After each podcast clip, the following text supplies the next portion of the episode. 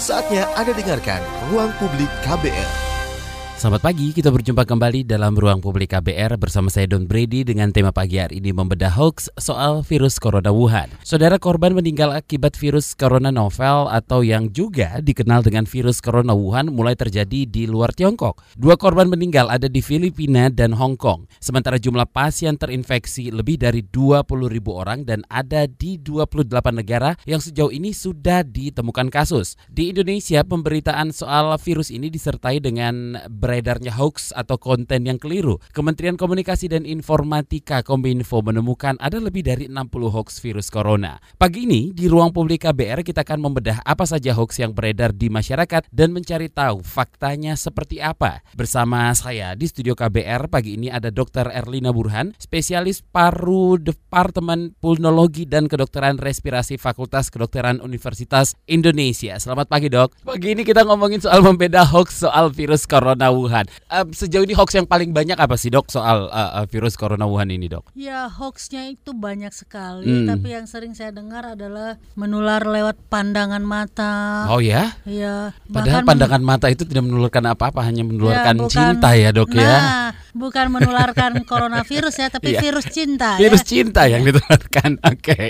Malah ada hoax yang bilang Bradley bener nih. Bradley bener ya. Berarti ada yang bilang itu tertular lewat pandangan mata sampai se, se, se, separah itu hoaxnya. Ya, iya, uh -huh. tapi saya kira itu salah pengertian. Hmm. Jadi memang ada orang yang tertular melalui mata karena dia gosok-gosok mata. Ah, Jadi setelah okay. menyentuh pasien ini tenaga kesehatan tidak cuci tangan, hmm, hmm, gosok-gosok mata, tapi beredarnya di masyarakat kenapa jadi terjadi pelintiran seolah-olah menular lewat pandangan mata. Oke, okay.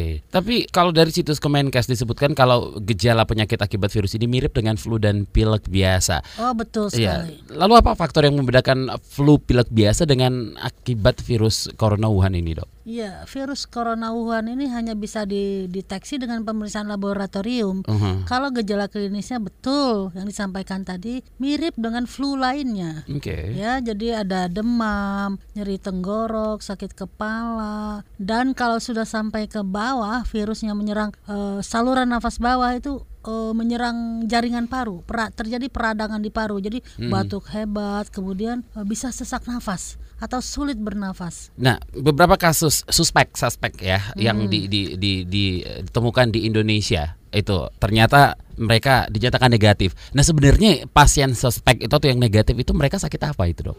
Ya, yang kalau kita baca-baca beritanya adalah bahwa yang tadinya dianggap suspek itu adalah orang yang beberapa yang di Bali itu ya turis mm -hmm. dan orang yang mengaku dari Cina ada keluhan flu. Mm, Lalu okay. akhirnya karena panik, oh ini suspek begitu ya. Dan ternyata kemudian uh, saya tahu dari beberapa teman yang memang merawat itu uh, hasil labnya adalah H1N1. Artinya? Ya. Artinya ya flu biasa itu. Oke. Okay. Ya, jadi uh, flu biasa tapi karena lagi musim coronavirus lang langsung asosiasinya wah ini flu karena coronavirus. Oke. Okay. Ya. Padahal itu hanya sekedar flu biasa seperti Betul. itu, Dok. Oke. Okay. Kalau yang saya dengar juga kalau dari uh, apa namanya? gejala kalau orang sudah terkena virus corona itu adalah demam yang tinggi, ya, sangat tinggi dan berlebihan. 38 derajat Celcius okay. ya. Kalau virus yang sel selama ini kan banyak toh kita yang sakit pilek, mm -mm. badannya nggak enak, batuk-batuk,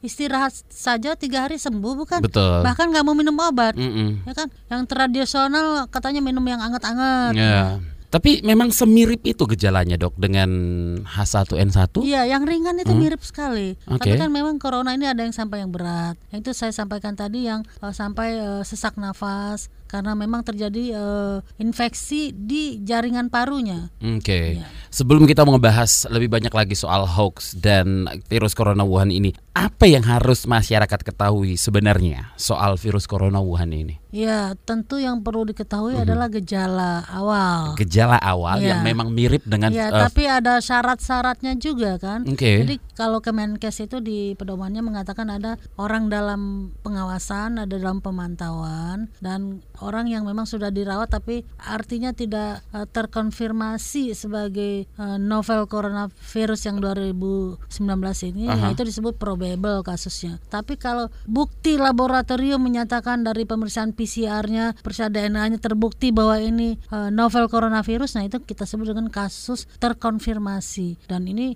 mulai dari pengawasan biasanya sudah dirawat. Tapi kalau pemantauan, contohnya adalah uh, Don jalan-jalan ke Beijing, Oke. ya kemudian pulang, lalu batuk pilek, ya kita akan uh, sebut ini sebagai kasus dalam pengawasan. Kita ikutin sampai 14 hari karena masa Oke. inkubasinya 14 hari. 14 hari. Ya, apa itu masa inkubasi? Itu adalah masa saat kita terpapar dengan virus sampai menimbulkan gejala. Dan itu untuk coronavirus ini bervariasi lamanya, antara dua hari sampai 14 hari. Makanya kita pilih yang terpanjang 14 supaya hari ya. yakin Hmm. bahwa memang tidak ada. Oke, begitu. Misalnya masih ada orang yang lagi baru saja datang dari salah satu kota di Tiongkok sana begitu. Apa yang harus dilakukan? Iya, kalau baru datang dari Tiongkok bukan Wuhan ya. Apa pun kota Eh, apa pun kota di Tiongkok. apa pun, Aha. ya kalau datang kan di bandara sudah pemerintah sudah mengadakan thermal eh, Scanner. scanner Aha. jadi itu di screening apakah ada demam atau tidak karena itu yang Oke. bisa di dengan cepat dilakukan ya tapi apakah itu ada bat- batuk kan harus ditanyain Hmm. ya kan kalau tahu ada radang paru juga harus difoto toraks di ronsen Hmm. nah jadi yang paling mudah adalah memang thermal scanning Hmm. Ya, tapi juga kita perlu waspadai pada saat thermal scanning kalau belum ada gejala masih masa inkubasi ya tidak terdetek gitu. Hmm, Oke, iya ngomongin soal thermal scanning atau scanner itu dok, memang itu berfungsi dengan sangat baik ya. Kan gitu hanya sekilas lewat gitu loh dok. Ya tapi minimal ada ada kegiatan uh, screening daripada orang dibiarkan lewat saja. Tapi ini sudah memang ini salah satu uh, SOP-nya. SOP-nya ya. Ya. Kalau pada saat thermal scanning itu ada yang terdetek demam, itu kemudian akan dievaluasi lebih lanjut Ah. apakah ada uh, gejala lainnya dan Oke. bahkan kalau memang mencurigai akhirnya akan dibawa ke rumah sakit kan. Hmm, oke. Berarti itu thermal scanning itu eh, disediakan di beberapa Uh, di semua bandara. di semua bandara, Bandara sudah sekarang. internasional maksudnya. Bandara internasional, Ya. kedatangan internasional ya. Ya. Oke, baik. Ngomongin soal WHO juga ini, Dok. WHO juga sudah men- menetapkan status darurat global terkait virus corona Wuhan ini. Oh, iya, apa betul. artinya status ini dan apa dampaknya secara global maupun Iya. Indonesia, Dok? Ya jadi waktu di Wuhan masih sedikit kasusnya, tapi meningkat walaupun sedikit-sedikit itu sebetulnya e, kalau kita baca berita WHO sudah punya tim yang public health emergency e, international concern ini kan mereka selalu rapat untuk apakah perlu mendeklar ini sebagai uh, public health emergency tapi setiap hari mereka rapat memutuskan belum belum belum karena masih terbatas di uh, Wuhan saja kemudian makin menjembar ke seluruh daratan Cina mm -hmm. jadi mm-hmm. dari uh, 30 satu provinsinya sudah 29 provinsi yang melaporkan ada kasus. Rapat lagi akhirnya diputuskan juga belum, belum declare. Tapi begitu sudah negara-negara lain juga melaporkan, ya. akhirnya dan juga yang terpenting adalah waktu itu pada uh, saat ada pernyataan dari pemerintah eh, Cina bahwa terjadi penularan dari manusia ke manusia karena selama ini virus corona kita tahu penularan dari hewan ke manusia Ya. di situ saja. Hmm. Nah, dunia semakin bukan panik ya, tapi mulai serius memikirkan pada saat ada 15 orang tenaga kesehatan yang merawat pasien-pasien coronavirus ini di rumah sakit di Wuhan juga terjangkit. Hmm. Bahkan ada satu dokter yang meninggal dunia. Nah, ini merupakan eh, titik di mana orang mulai Aware waspada, sama waspada aware. ya. Wah, ini sudah dari manusia ke manusia. Ya. Tapi memang masih limited katanya. Artinya terbatas yang close contact. Close contact itu adalah orang yang satu ruangan, yang bersama-sama, orang yang satu rumah atau di rumah sakit. Di rumah sakit antara pasien dan tenaga kesehatan itu kontak erat ya, close contact itu begitu. Hmm. Nah itulah mulai eh, di kemudian declare kan eh, WHO bahwa ini memang adalah public health emergency. Hmm, Iya. Oke, sebelumnya WHO sudah pernah mengeluarkan status darurat semacam ini, dok? Iya pada saat terjadi SARS. Oke. saat terjadi MERS-CoV, flu burung. Ah, WHO juga sudah Iya. mengeluarkan status darurat ini ya. Iya. Oke, tapi yang paling sampai siapa yang paling lama ini statusnya itu sampai akhirnya dicabut ini apa namanya corona masih masih aja statusnya status Kan darurat ya? baru. baru ya. Baru yang Hmm. yang kita bicara sekarang bukan corona secara umum loh, tapi novel coronavirus 2019. Hmm, Ini kan baru 31 Desember 2019 kan. ya. Ada 29 orang terjangkit dan kemudian di secara epidemiologi surveillance diketahui bahwa ini sebagian besar bekerja di fish market Mhm. yang tradisional. Tapi kita tahu sifat dari coronavirus ini adalah tidak bisa hidup di fish, di hewan eh, akuatik, di hewan air. Oke. Ya, tapi dia hidup di kelelawar, kucing, musang, onta, dan mamalia lainnya. Hmm. Unggas juga. Dan akhirnya diketahui bahwa di fish market itu bukan hanya eh, menjual eh, makanan-makanan laut, tapi ternyata juga ada menjual hewan-hewan liar di situ mulai dari ular, kelelawar, musang, dan hewan-hewan lainnya bercampur semua. Babi, kambing, sapi, semua jadi satu. Jadi eh, ya memang itu agak agak unik juga ya eh, pasar tradisionalnya semua bercampur aduk Mm-mm. berdekatan dan barangkali ular memakan kelelawar atau kelelawar berdekatan dengan yang lain akhirnya ya kita nggak tahu bagaimana kondisinya dan orang-orang yang berbelanja di situ atau petugas-petugas atau yang bekerja di situ bersentuhan dengan hewan ini karena sebagian besar yang bekerja di situ yang menjadi pasien di Oke, awal iya. tanggal 31 Di Desember awal, oke. Ya. Mhm. Ya. Mulai Akhirnya dari- pasar itu ditutup kan. Akhirnya ditutup ya pasarnya mulai dari 31 Desember sampai dengan sekarang jumlah itu 24 bertambah ribu 24 Ya itu ribu. yang makanya kita semakin harus aware ini ini semakin banyak dan Betul. kebet- dan kemungkinan itu karena bukan saja close contact iya close contact karena Pastilah ya, pasti mungkin close contact ya. tapi Hmm. karena human to human transmission ini Hmm. ini penularan Dari manusia ke manusia, manusia, ke manusia. manusia. Yang ini yang eh, saya kira mesti diwaspadai dan karena ini infeksi saluran nafas, ini saya ngomong terus nggak apa-apa nih ya. Ya, harus ngomong terus dong.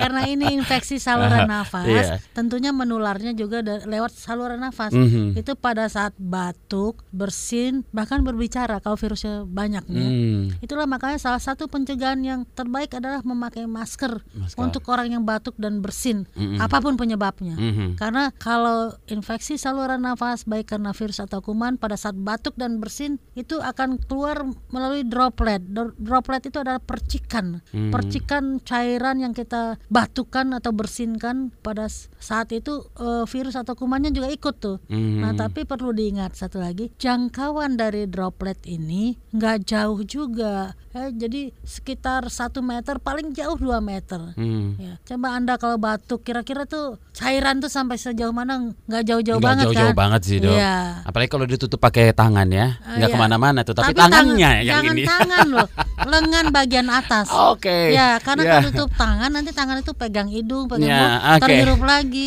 atau tangan itu megang-megang yang lain ya. oke. Ini sekalian edukasi Don ini. Iya benar. Kita harus break dulu dok. Ya. Jangan ke mana-mana tetap di ruang publik KBR.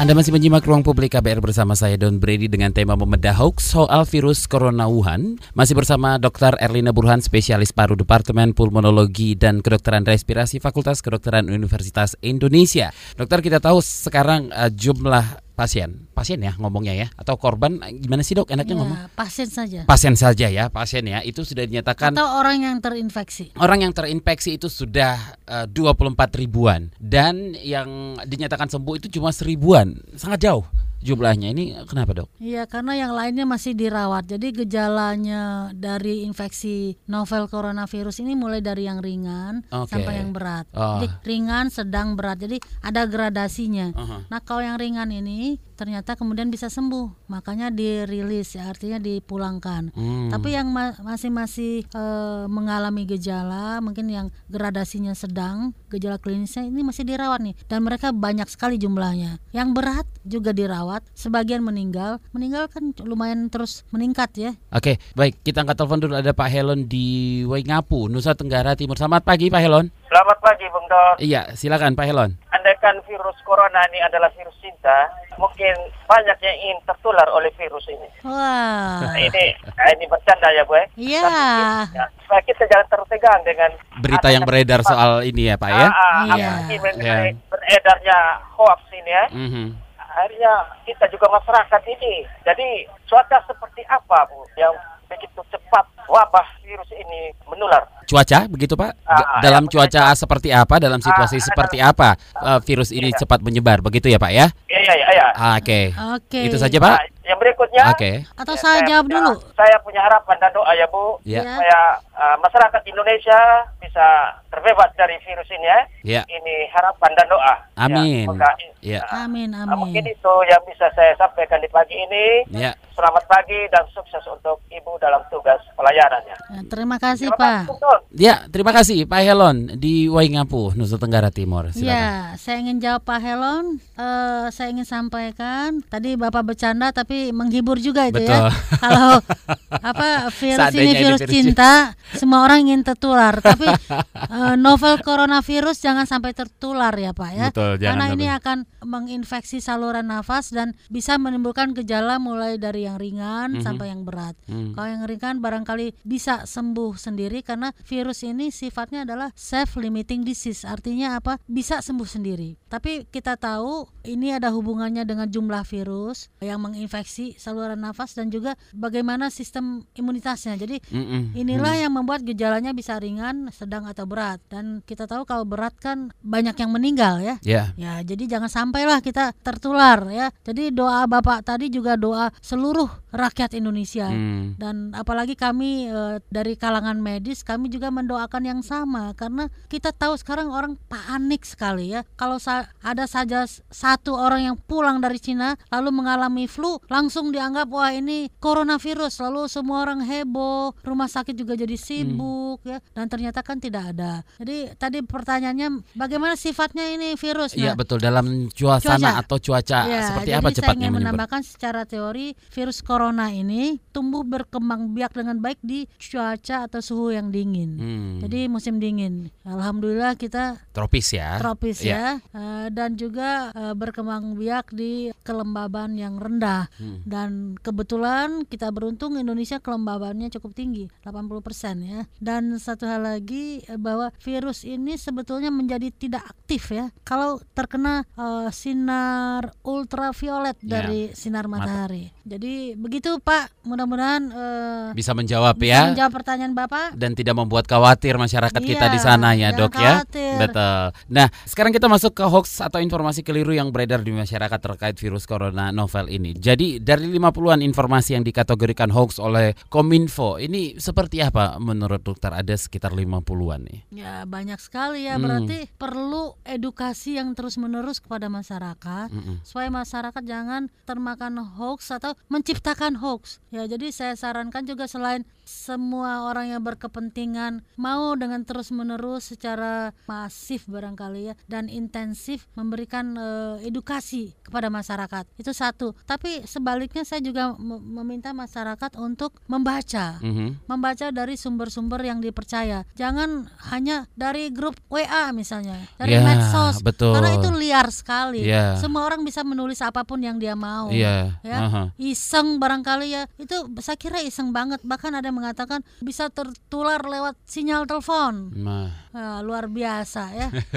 bisa tertular lewat buah-buah impor. eh, Padahal kita tahu virusnya nggak nggak ada di buah, virusnya hidup di hewan. Yang jelas sekarang virusnya menular dari manusia ke manusia, maka hindarilah sumber infeksinya. mhm. Ya, jadi kalau ada orang batuk pilek, apalagi kalau itu terbukti novel coronavirus ya kita jauh-jauh lah ya. Hmm, Iya. hmm, Oke, tapi em, kita mungkin bisa membagi informasi yang banyak beredar ini menjadi beberapa bagian yaitu asal virus, terus juga cara penyebarannya kita juga sudah eh, berbagikan tadi, terus juga cara pencegahan cara pencegahan mungkin yang harus kita lebih perkuat lagi untuk menangkal hoax-hoax seperti itu Iya. ya nggak sih dok? Pencegahannya juga ada tuh hoaxnya. Ah. Oh, minum alkohol Oke. bisa mematikan kuman atau virus. Heeh. Kemudian eh, makan bawang putih, virusnya mati, bisa sembuh eh, sempurna. Ya, saya nggak tahu nih bagaimana kok bisa ini beredar, Beredar. seperti itu. Padahal kita tahu virus ini baru, baru saja ditemukan. Jadi belum ada obat spesifik untuk virus ini. Yang dilakukan sekarang adalah pemberian obat-obat atau terapi-terapi yang sifatnya suportif, mengatasi gejala yang ada. Tapi memang ada beberapa rumah sakit di Cina memberikan pengobatan antivirus yang juga belum spesifik untuk novel coronavirus yang diberikan adalah oseltamivir itu dulu antivirus eh, flu burung. Mhm. Kemudian diberikan juga eh, antivirus untuk HIV. Hmm, Oke, saya akan bacakan beberapa hoax asal virus dan faktanya. Dokter bisa membantu ini hoax atau fakta. Dengan Oke. jawab ya dok ya. Eh, ini saya yang di ini nih ya, yang di tes ujian. Oke, Lanjut. siap. Siap ya dok? Ya. Oke, kurma itu harus dicuci bersih karena mengandung virus corona yang berasal dari kal- dari kelelawar. Hoax. Hoax ya. Oke, sup kelelawar penyebab virus corona. Hoax. Hoax. Kenapa saya katakan hoax? Iya. Jangan salah nih ya. Kan memang corona itu ada di kelelawar Iya. hidupnya, tapi kan supnya itu dimasak dengan matang kan? Dengan air mendidih gitu. Oh iya. Hmm. Dan virus corona ini mati pada suhu di atas 60 derajat. Oke. Ya, jadi hoax itu Hoax ya. Vaksin virus corona sudah ada dan dikembangkan sebelumnya. belum ada. Belum ada. Jadi hoax. Hoax ya. Virus corona merupakan senjata biologis yang bocor dari dari laboratorium Wuhan. Saya kira itu juga hoax ya. Hoax ya. Ya mana mungkin mengorbankan banyak orang ya. Betul. Oke. Virus corona Wuhan adalah hasil perkawinan virus kelelawar dan virus babi. Ya, itu juga tidak tepat. Karena belum ada penelitian Belum untuk ke situ ya. Oke, penelitiannya. baik. Virus corona diduga bermunculan di pasar Wuhan yang menjual aneka satwa liar. Itu fakta. Fakta ya. Iya. Oke. Artinya bahwa virus itu memang ada di hewan-hewan liar. Hmm. Ya, dan kenyataan kan 20 orang lebih yang dirawat itu bekerja di pasar yang ada di Wuhan itu yang menjual hewan-hewan liar. Mhm. Hewan-hewan ya. liar itu, Jadi kemungkinan itu benar. Jadi masih 50-50 ya, Dok. Iya. Oke, hoax cara penyebaran dan faktanya nih, Dok. Handphone Xiaomi buatan Cina dapat menularkan virus corona. ah, itu jelas-jelas hoax ya. Virus corona bisa Kalau iPhone nularin apa kalau itu benar? Oke, virus corona bisa menular lewat game Free Fire. no. No, virus corona bisa menyebar lewat. Nah, ini tadi sudah kita bahas tatapan mata. Sangat-sangat hoax ya. Oke, kita harus. Saya nggak mau lihat kamu. Oke, kita harus break dulu dok. Jangan ke mana-mana, Iya. tetap di ruang publik KBR.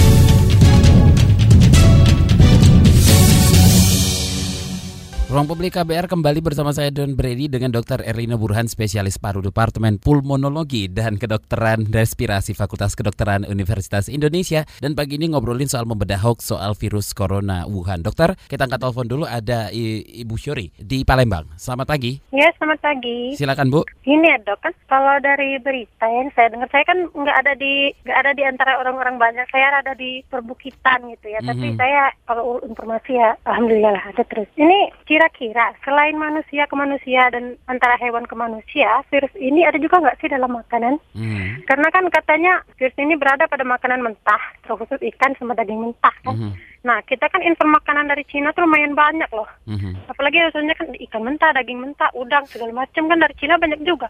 Kira-kira tuh terinfeksi juga nggak sih virus dalam makanan itu? Terus gimana kalau blocking antara yang mau pergi dan datang dari Cina nggak cuma manusia, tapi juga di blockingnya makanan juga di blocking itu dicek juga. Kan bisa aja juga kan kita terinfeksi dari makanan gitu lah. Mhm. Ya gitu aja ya. Iya, terima kasih Ibu Iya. Syuri Ya, di. Palembang. Ya.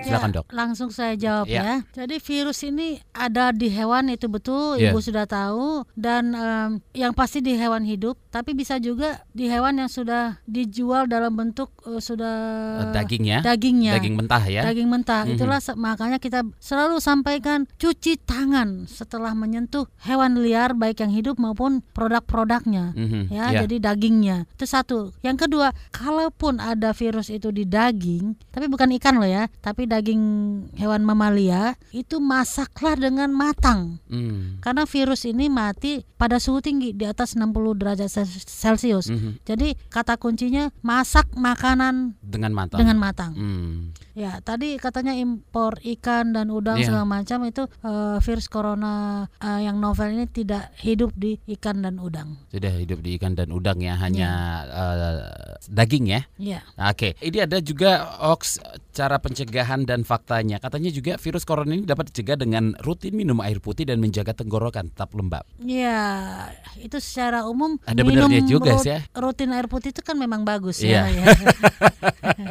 Jadi bukan untuk coronavirus saja, untuk Iya. hal-hal lain juga. ya. Betul. Oke, kita nggak telepon dulu ada Bapak Parlindungan Harap di Bogor nih, Dok. Selamat pagi, Pak Parlindungan. Selamat pagi kembali. Iya. Ini ada saya dengar lagi yang baru informasi ya, ada 400 sekian yang korban tewas ya. Betul, Pak. Masalah corona ini dan 1000 sembuh, 23.000 masih terpapar ya Mhm. di seluruh dunia. Oke. Jadi harapan saya para pejabat-pejabat kita semoga bersinergi ya, bersinergi uh, baik di bandara, pelabuhan, kapal-kapal kargo ya. Saat ini kan marak juga kita kekurangan bawang putih, kekurangan gula segala macam dan makanan minuman. Saya rasa pom kesehatan harus maraton Hmm. di seluruh Indonesia Baik. karena kita takut juga terpapar ya. Mhm. Yang kita takutkan ini saya dapat Badan Pusat Statistik di Kota Wuhan, Provinsi Hubei itu 13.000 jiwa warga negara Indonesia. Mereka ini seperti apa? Apakah mau pulang ke sini? Terus perusahaan Karawang Ya. Bandung.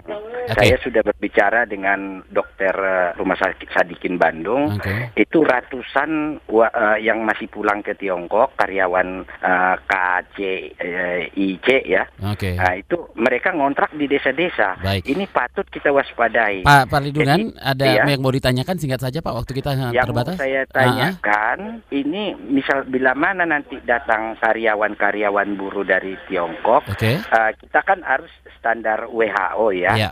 Standar WHO 14 hari Ya. itu dananya nanti dari mana untuk Baik. mengasih makan mereka Siap. karena kita nggak mau untung Baik. untung di mereka rugi di kita Baik, terima kasih Pak Parlindungan Harap Bogor. Oke. Ya, kita tadi sudah bahas soal bagaimana kita harus mengantisipasi masuknya virus ini ke Indonesia. Setelah dipulangkannya WNI yang dari Tiongkok kemarin, kita juga itu masih berjalan ya, Dok ya, masih masa Iya. karantinanya masih berjalan ya. tapi saya ingin sampaikan Ya. WNI yang dipulangkan ini adalah orang sehat, bukan Oke. orang sakit. Ya. Hmm, Oke, jadi itu masih di karantina. Tapi memang demi kenyamanan semuanya, kelompok mereka yang pulang itu juga saya pikir akan merasa nyaman kalau mereka dipastikan secara resmi eh, setelah 14 hari Anda tidak terinfeksi novel coronavirus. Pasti mereka juga senang begitu kan. Mm-mm. Masyarakat juga, keluarga apalagi juga senang menerima mereka dan masyarakat juga akan merasa nyaman Hmm. kalau itu sudah terlewati. Jadi Mhm. menurut saya ini suatu eh, proses yang baik. Oke, baik kita angkat dulu telepon ada Bapak Hengki di Tomohon. Selamat pagi Pak Hengki. Pagi Bang Don, Iya, silakan Pak Hengki. Eh, begini Bang Don, Ya. saya mau tanya ya, Mhm. karena di wilayah saya di daerah saya masyarakatnya pemakan daging ular, Mhm. pemakan kelelawar, Mhm. pokoknya pemakan hewan-hewan liar. Mhm. Eh, apa menurut ibu dokter bisa berpotensi terjangkit dengan eh, virus corona ini? Tapi memang kalau saya dengar pemaparan ibu dokter tadi, dia kan virus di daerah dingin kan di subtropis kan. Ya, ya. Kalau kita kan tropis toh. Mhm. Jadi kita- saya bu- butuh penjelasan dari ibu karena walau bagaimanapun eh, sedik sedikitnya walaupun memang secara apa secara umum itu tidak berpengaruh di di pasar-pasar di wilayah saya karena di daerah saya itu sudah berlangsung puluhan tahun orang memakan binatang-binatang yang demikian yang tersebut yang berpotensi menularkan virus corona. Saya kira mungkinkah itu bisa terjadi kalau Oke. kalau kalau udah Baik. kalau seandainya kami juga memakan eh, Ya. binatang-binatang itu. Jadi saya kira butuh penjelasan dan Ya. memang soal hoax itu saya kira memang perlu apa dari langsung dari pemerintah. Oke, Pak Hengki kita sudah dapat masyarakat. pertanyaannya ya. Makasih Baik, banyak, terima Bang kasih. Pak Hengki. pagi. Langsung saja, Dok. Ya, baik Pak Hengki yang saya sampaikan tadi tentang coronavirus yang eh, berkembang biak baik di udara dingin itu adalah coronavirus secara umum. Nah, Hmm. sementara virus ini kan virus yang jenisnya baru, makanya nCoV, novel coronavirus, coronavirus yang terbaru. Yang kita juga pengetahuan kita tentang coronavirus yang terbaru ini masih terbatas. Jadi sementara kalau kita mengacu kepada sifat umum coronavirus, yang umum adalah memang berkembang biak di udara dingin, tapi eh, kita tidak boleh menutup kemungkinan dia tidak akan ada di eh, negara tropis seperti Indonesia. Dan mengenai kebiasaan masyarakat Tomohon yang yang eh, memakan semua hewan-hewan yang berpotensi mengandung coronavirus. Jadi saya sarankan bagi yang bekerja di pasar menjual itu harus selalu mencuci tangan Mhm. ya. Kemudian juga hewan-hewan itu jangan berdekatan tapi dipisah-pisahkan Oke. ya. Dan kalau memungkinkan pakai sarung, Sarung tangan, tangan, ya. dan pakai pakaian pelindung Mhm. dan pakaian ini tidak boleh dibawa ke rumah Hmm. ya harus ditinggal di tempat kerja dan buat yang ke pasar konsumen ya ini juga kalau milih-milih dagingnya juga harus cuci tangan ya kalau perlu pakai sarung tangan Sarung tapi tangan juga. di desa atau di daerah kan orang nggak mau lah Mhm, apalagi mhm. Bapak Anggi mengatakan kita udah puluhan tahun begini nggak sakit gitu ya jadi oke lah tapi tetap cuci tangan Hmm. setelah menyentuh hewan-hewan itu Betul. ya baik hewan yang hidup maupun yang sudah eh, mati atau sudah diproses dan satu hal lagi memasaknya harus matang Ah, itu kuncinya karena matang, virus mati pada suhu yang tinggi harus matang. Sebenarnya hal-hal seperti ini harus kita lakukan setiap hari. Ada tidak ada juga virus Betul. ini ya, dokter ya. Baik, dokter sayang sekali eh, dokter juga harus eh, pamitan sekarang. iya Terima kasih atas waktunya dokter. terima Nanti kasih mudah-mudahan ada manfaatnya untuk betul. semua ya Nanti kita lanjutkan ngobrol-ngobrol jangan lagi ya. termakan hoax Jangan termakan Tadi hoax saya ya. ingin sekali mengatakan kita perlu waspada, tingkatkan kewaspadaan karena ini penularannya dari manusia ke manusia. Mhm. Tapi jangan panik, jangan lebay, jangan parno ya. Oke, terima kasih Dokter Elina Burhan, spesialis paru Departemen Pulmonologi dan Kedokteran Respirasi Fakultas Kedokteran Universitas Indonesia. Dari Rumah Sakit Persahabatan. Oke, baik. Jangan ke mana-mana, ruang publik akan kembali setelah jeda yang berikut ini.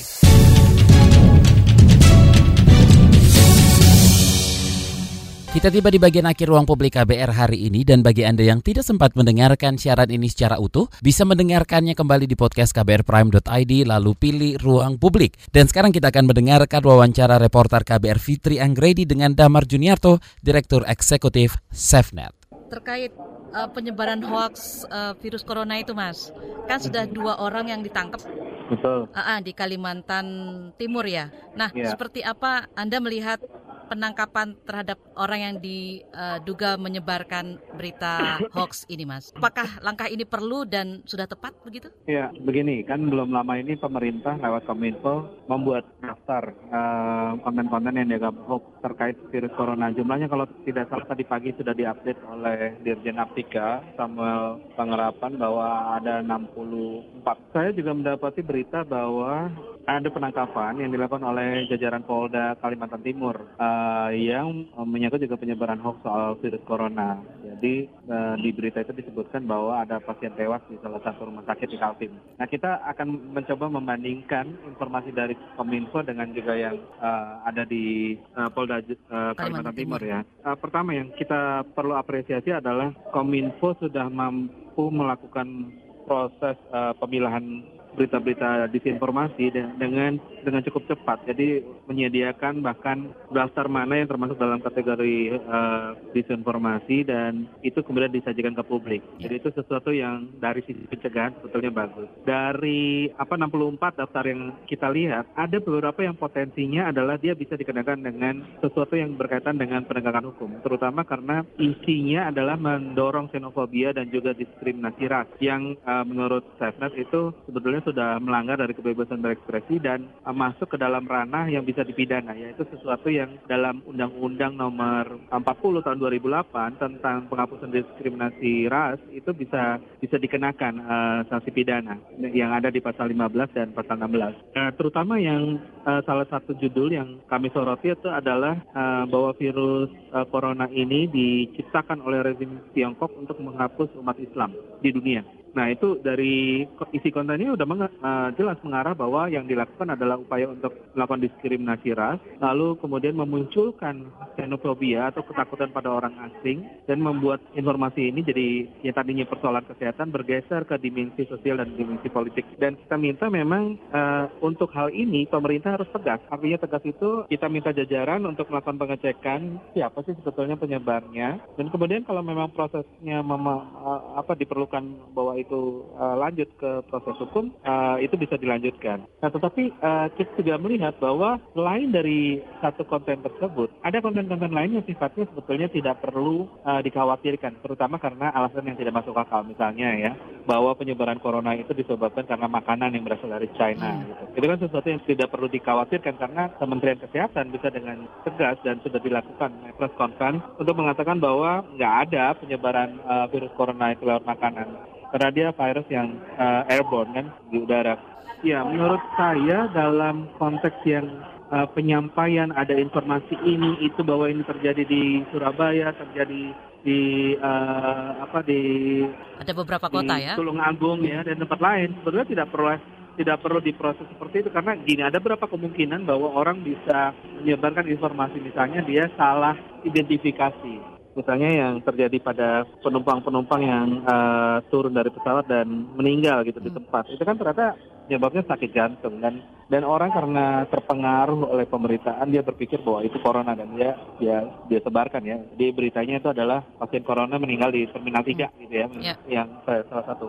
Itu sebetulnya tidak perlu uh, ditanggapi berlebihan karena cukup dengan penyampaian dari otoritas setempat bahwa tidak ada kejadian tersebut. Yang yang ada adalah kejadian bahwa itu penderita jantung. Begitu juga dengan yang di rumah sakit rumah sakit. Saya kan baca banyak sekali di rumah sakit ini, rumah sakit itu, uh, suspek dan lain sebagainya cukup dengan dijawab bahwa oleh otoritas setempat yaitu rumah sakit untuk mengatakan bahwa tidak ada uh, pasien uh, yang terjangkit corona dan apalagi meninggal misalnya gitu ya. Sehingga uh, dari penjelasan yang disampaikan oleh otoritas setempat itu dan kemudian diamplifikasi oleh pemerintah daerah misalnya uh, lewat kanal-kanal informasi itu seharusnya sudah bisa dikatakan sebagai proses klarifikasi dan hmm. ingat bahwa ketika ini disampaikan ke publik dan kemudian kalau uh, ini menyebar dia butuh waktu yang lebih lebih lama dibandingkan dengan penyebaran uh, hoax itu sendiri. Memang lebih lama, tapi ini proses pembelajaran sehingga masyarakat bisa lebih hati-hati, uh, waspada, tapi juga bisa memilah mana informasi yang bisa dipercaya atau tidak. Terhadap uh, pemidanaan yang terhadap yang dilakukan oleh Polda Kalimantan Timur terhadap dua ibu ini, menurut saya yang pertama-tama harus dilakukan adalah mirip seperti uh, penanganan ujaran kebencian ya, di mana itu adalah proses yang awal adalah uh, ada pemanggilan dulu untuk memastikan apakah uh, kedua ibu ini mengerti bahwa yang disebarkan itu hoax. Jadi tidak tidak melulu harus langkahnya adalah penangkapan dan kemudian arahnya di uh, dimasukkan ke sel penjara ya, hmm. apalagi kemudian lanjut ke uh, apa pengadilan. Jadi bisa dengan proses pemanggilan tersebut jadi untuk proses uh, klarifikasi, jadi mereka dikasih kesempatan untuk mengklarifikasi dan dijelaskan dari otoritas otoritas tempat bahwa berita itu tidak benar dan itu bisa disepakati sebagai sesuatu yang selesai di luar mekanisme uh, hukum. Jadi cukup lewat proses yang klarifikasi tersebut. Dan kalau emang ini bisa ditempuh kenapa tidak? Jadi tidak tidak perlu memenuhi uh, apa ruang pengadil ruang penjara yang dengan orang-orang yang mungkin secara tidak sengaja dia menyebarkan hoax karena memang atas ketidaktahuan terutama karena uh, ini sosoknya adalah ibu-ibu, perempuan-perempuan. Dan akan nih ada data yang uh, cukup kuat yang kita temukan dari 2017 lalu juga uh, di 2018 bahwa perempuan dibandingkan dengan laki-laki waktu yang digunakan di internet kan lebih sedikit. Uh, dan karena lebih sedikit banyak juga yang perempuan itu uh, salah satu sebabnya kenapa dia mengakses lebih sedikit karena memang dia tidak memiliki handphone itu secara langsung. Artinya dia tidak tahu cara misalnya memastikan apakah informasi yang dia terima itu bisa uh, benar atau tidak. Dia dia tidak bisa melakukan verifikasi yang seperti diajarkan uh, lewat literasi digital. Sehingga ketika dia menerima informasi dia menganggap Facebook itu adalah ruang pemberitaan ruang pemberitaan sama seperti newsroom. Jadi tidak ada proses pemilahan dan